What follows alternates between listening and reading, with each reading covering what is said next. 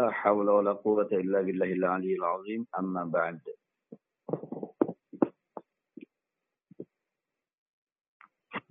Alhamdulillah. Kita kembali terhubung dalam kajian rutin yaitu tentang fikih serta tasawuf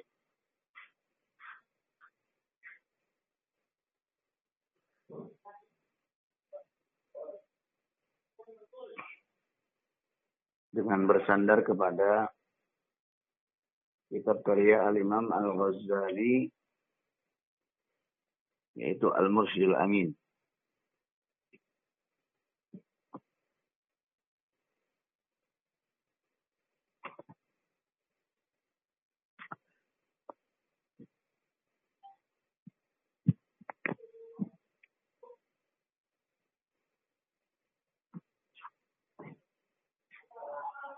Pada kajian yang sebelumnya.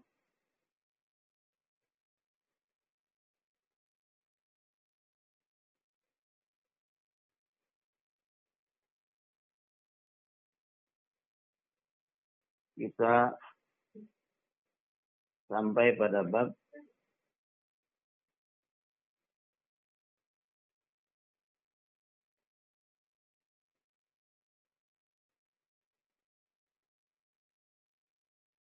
tentang keutamaan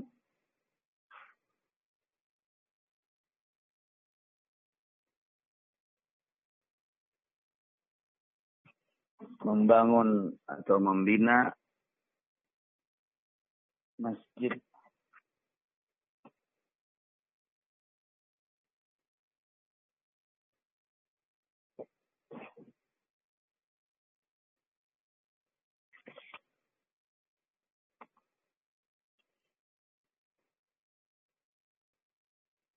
Allah Subhanahu wa taala berfirman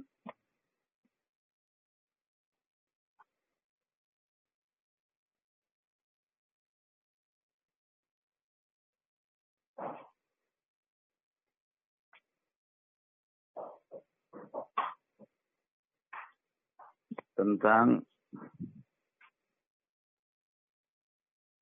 keutamaan masjid yaitu bahwasanya rumah-rumah Allah itu di, di bumi itu adalah masjid. Orang-orang datang ke masjid sebagai tamu Allah. Dianggap sebagai tamu Allah. Sebagai tuan rumah, sudah selayaknya bagi Allah untuk menghormati tamu-tamunya,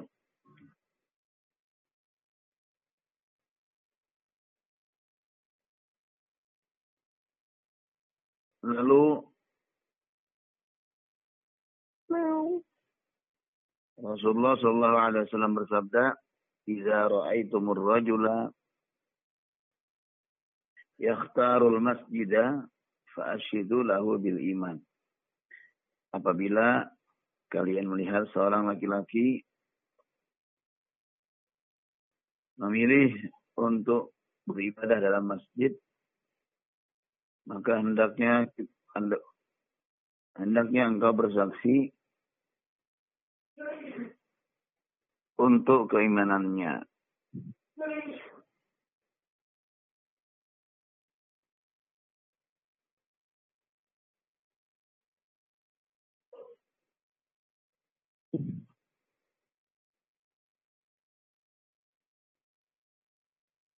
Kemudian disebutkan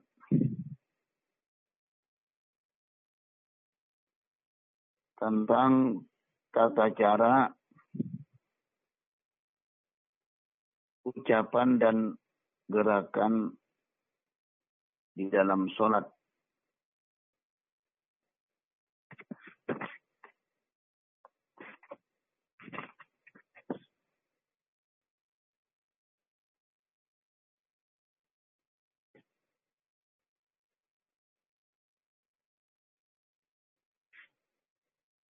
Kita juga telah membahas tentang adanya asfad dan asufnu.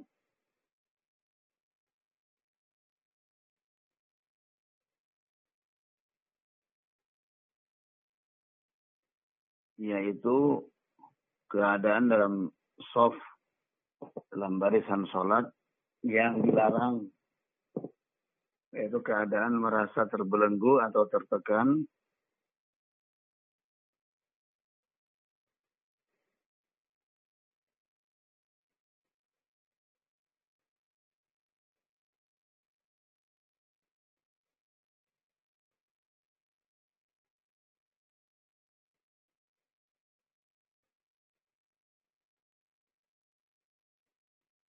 Kemudian sampailah kita pada contoh tentang gerakan sholat itu.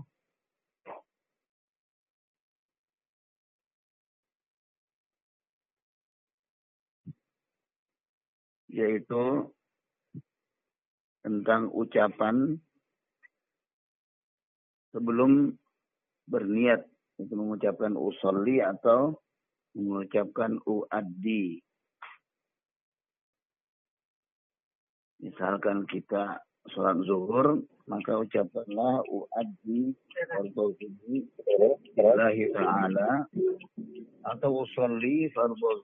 Suaranya putus-putus ya? Hilang. Halo? Kemudian setelah kita memasuki niat, disambung dengan membaca atau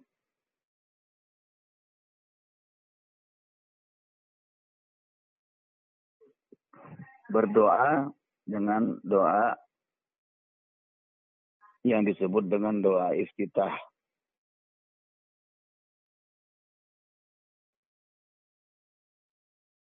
Yaitu bacaan Allahu Akbar kabira walhamdulillahi katsira wa subhanallahi bukratan wa asila.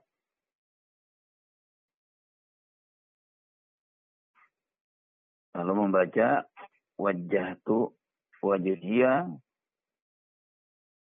dan seterusnya sampai kalimat wa ma ana minal musyrikin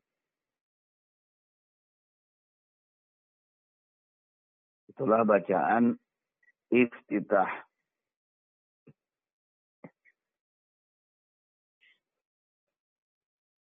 Selanjutnya kata Imam Ghazali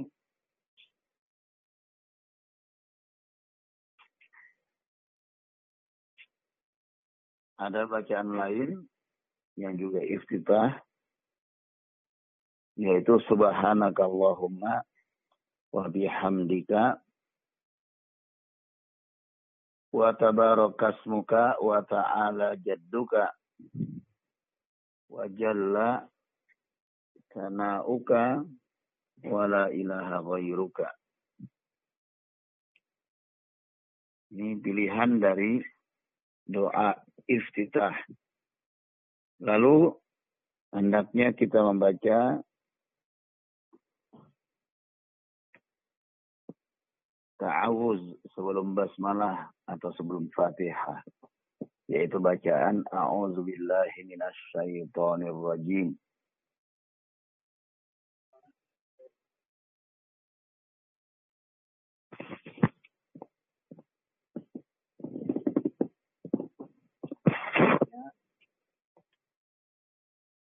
Kita membaca surat Al-Fatihah. Yaitu bacaan dari Bismillahirrahmanirrahim sampai akhir surah Al-Fatihah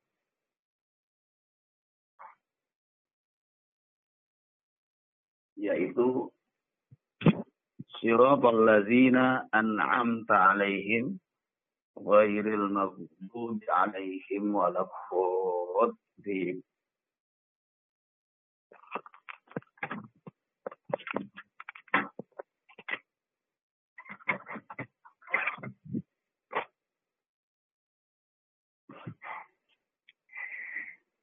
Jadi bacaan Al-Fatihah itu dimulai dari bismillah sampai waladdallin amin. Versi Imam Ghazali begitu. Karena Imam Ghazali ini bermazhab Syafi'i.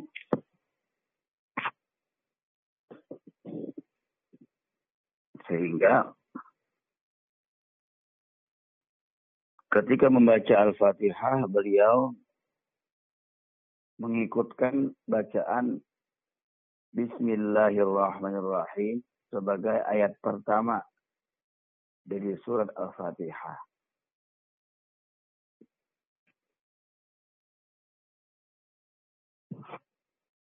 Sedangkan bacaan Al-Fatihah yang tanpa basmalah sama sekali itu adalah dari mazhab Maliki yaitu memulai surah Al-Fatihah dengan Alhamdulillahi Rabbil Alamin. Maka kalau menurut Imam Syafi'i bacaan surat Al-Fatihah itu yang tanpa basmalah dianggap tidak sempurna tujuh ayat. Karena ayat pertamanya adalah Bismillahirrahmanirrahim. Sedangkan bagi Imam Malik dan imam-imam mazhab yang lain yang membaca Al-Fatihah tanpa basmalah, mereka menganggap ayat pertamanya adalah Alhamdulillahirabbil alamin. Kemudian ayat ke-6 dan ke-7 adalah bacaan siratal ladzina an'amta alaihim ghairil maghdubi alaihim waladdallin. Jadi berbeda dengan mazhab Syafi'i yang menganggap ayat tersebut hanya ayat ketujuh. Bukan 6 dan 7. Bacaan siratul lazina an'amta alaihim ghairil maghdubi alaihim waladdallin. Maka perbedaannya terletak pada ayat ke-6 dan ke-7 itu. Sehingga kita sebagai pengikut mazhab Syafi'i dapat memahami mereka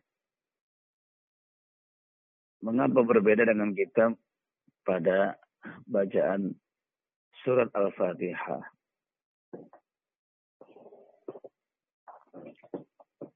Maka bagi orang yang tidak mengetahui yang hanya taklid saja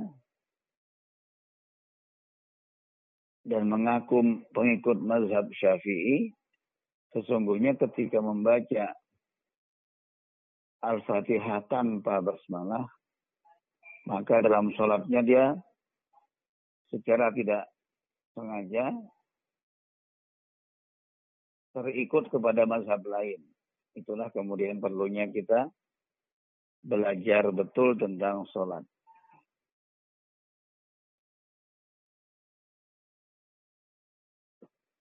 Kemudian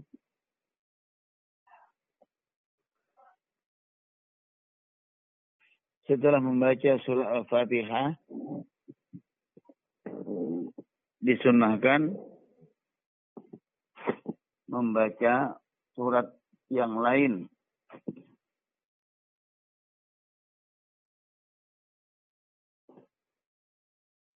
baik surat yang panjang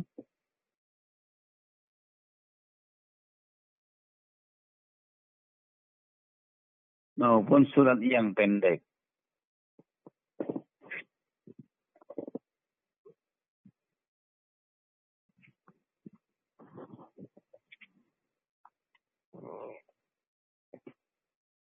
Imam Ghazali mengatakan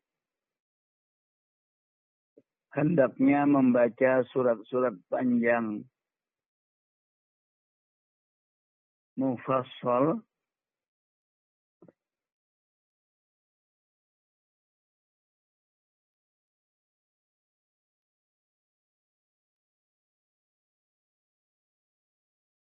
maksud kami membaca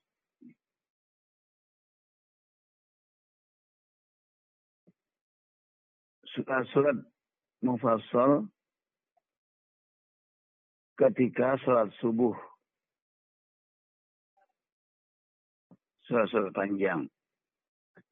Sedangkan pada sholat maghrib, sebaiknya membaca surat pendek saja. Adapun dalam surat-surat lain, hendaknya membaca surat semisal surat Al-Tariq atau surat Al-Buruj.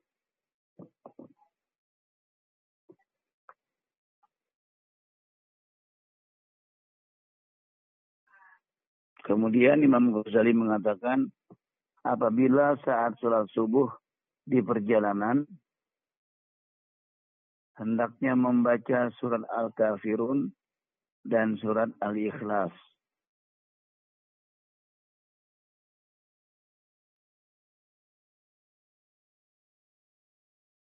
Begitu pula pada dua rakaat sholat sunnah fajar atau sebelum subuh, sholat sunnah tawaf pada waktu kita haji atau umrah, dan sholat sunat tahiyatul masjid. Ketika kita memasuki masjid, maka pada sholat-sholat tersebut disunatkan juga untuk membaca surat yang pendek, semisal kuliah ayyuhal kafirun pada rakaat pertama dan kul huwallahu ahad sampai akhir pada rakaat kedua.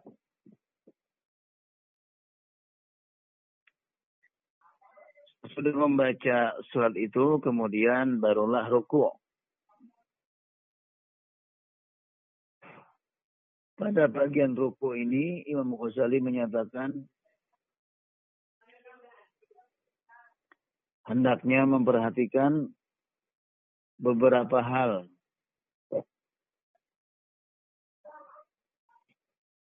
Antara lain mengucapkan takbir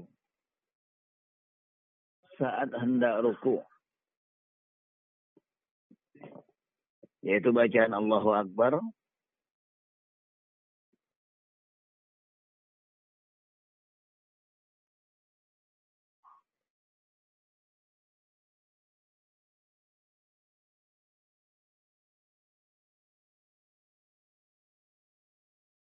Kemudian hendaknya mengangkat kedua tangan bersamaan dengan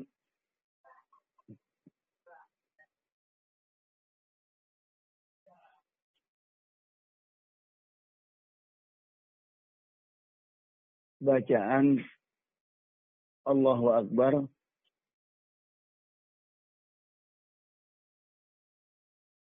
Dan juga memanjangkan bacaan takbir itu sampai posisi rukuknya sempurna. Jadi kalimatnya dipanjangkan seperti Allahu Akbar. Ya, tidak pendek Allahu Akbar begitu saja tidak pendek.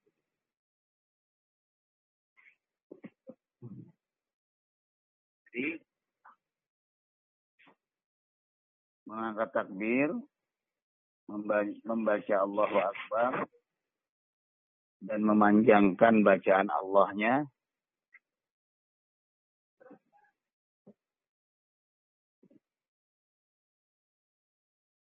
Kemudian hendaknya meletakkan kedua tangan atau kedua telapak tangan di atas kedua lutut dalam keadaan jari-jari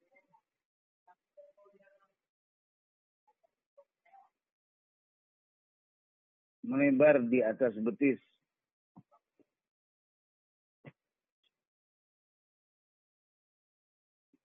Hendaknya juga meluruskan meluruskan kedua lutut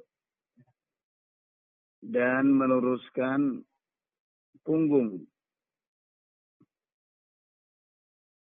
sehingga leher, punggung dan kepala menjadi satu dataran.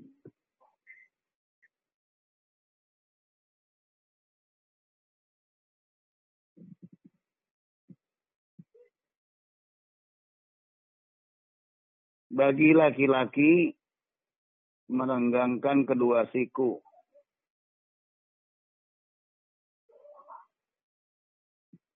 Dari dua sisi lambung. Sedangkan bagi perempuan harus merapatkan kedua siku pada dua sisi lambung. Jadi laki-laki agak melenggang, perempuan merapat. Ini pada saat ruku.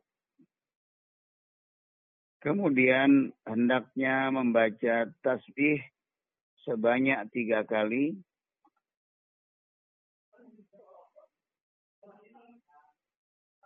Dan bagus apabila lebih dari tiga kali bagi orang yang sholat sendirian.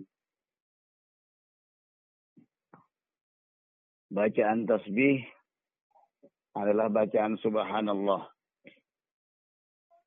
Sekurang-kurangnya membaca subhanallah.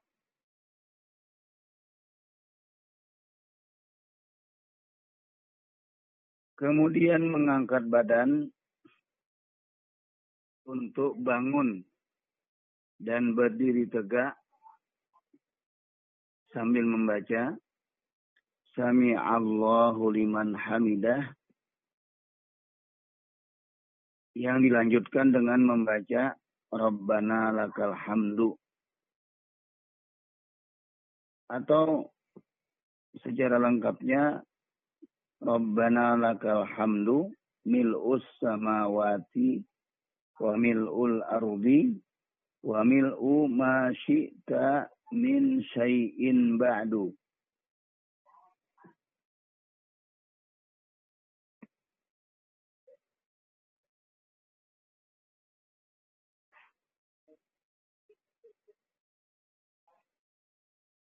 Maka ini namanya i'tidal yaitu berdiri setelah ruku. Dan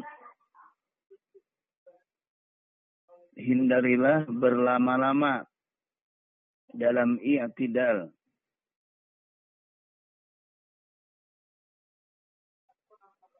kecuali dalam sholat subuh yang justru sebaiknya dilamakan tidaknya dalam rangka membaca doa kunut.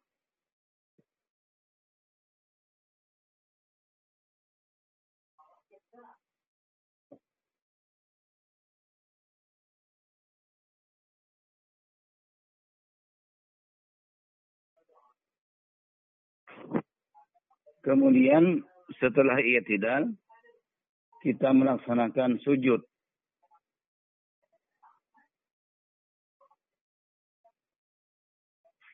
Maka kita turun dari berdiri tegak itu untuk sujud dengan membaca, memanjangkan ya, membaca Allahu Akbar, memanjangkan bacaan takbir sampai posisi sujud yang sempurna. Jadi dari kita bergerak untuk sujud, kita membaca Allahu Akbar, dipanjangkan bacaannya sampai kita posisinya sempurna dalam sujud. Yang dipanjangkan adalah kalimat Allahnya. Contohnya Allahu Akbar. Itu adalah sunat hukumnya.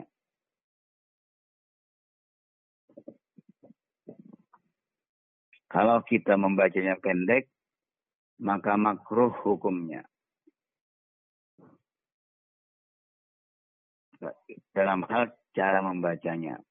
Sekalipun keduanya mendapatkan pahala. Tapi cara membacanya, apabila kita panjangkan, maka mendapat pahala lagi.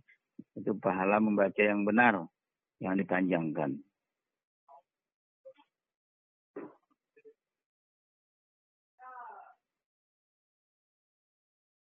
posisi sujud yaitu kita keadaan kita saat sujud adalah meletakkan kedua lutut, dahi dan dua telapak tangan dalam posisi terbuka menyentuh permukaan tempat sholat.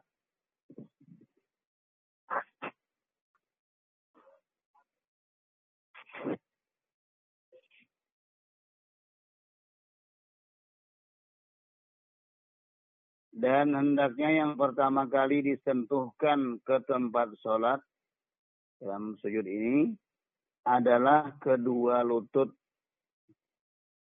Lalu disusul kedua telapak tangan. Kemudian hidung beserta dahinya. Di kedua lutut, kedua telapak tangan, hidung, dan dahi itulah yang menempel pada tempat sholat.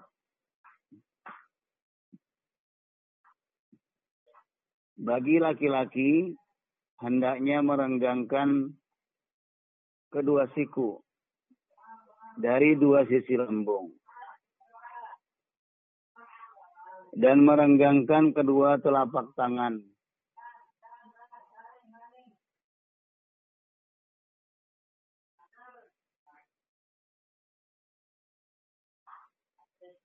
dan merenggangkan juga saya tadi apa merenggangkan kedua siku ya merenggangkan kedua siku dan merenggangkan kedua telapak kaki juga serta mengangkat perut dari kedua paha. Jadi pisah antara paha dengan perut ya, tidak menempel. Sedangkan bagi perempuan melakukan kebalikannya dari yang dilakukan oleh laki-laki, yaitu merapatkan kedua siku dari dua sisi lambung, merapatkan telapak kaki, dan menempelkan perut pada paha.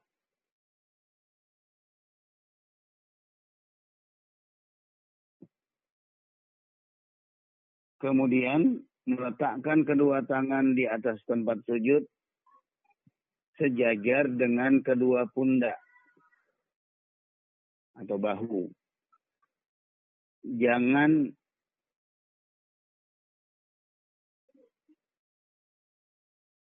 melebarkan jari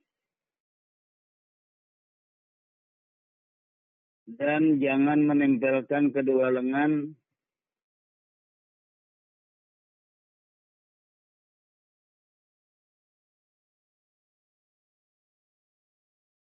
di atas tempat sujud itu. Jadi posisinya kata Imam Ghazali sebagaimana Yang tidak dilakukan adalah tidak sama dengan posisi anjing yang menghamparkan kedua kaki depannya. Jangan bersikap seperti itu. Karena hal itu dilarang.